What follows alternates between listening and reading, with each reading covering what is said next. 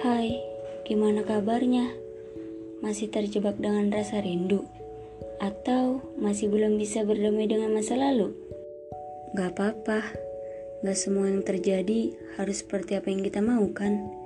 Gak semuanya harus 100% sempurna juga Dan gak semuanya harus baik-baik aja Karena semua itu di luar kendali kita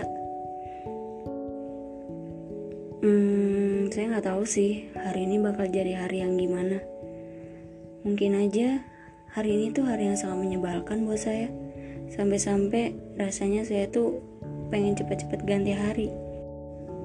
Atau mungkin juga hari ini jadi hari yang spesial buat saya.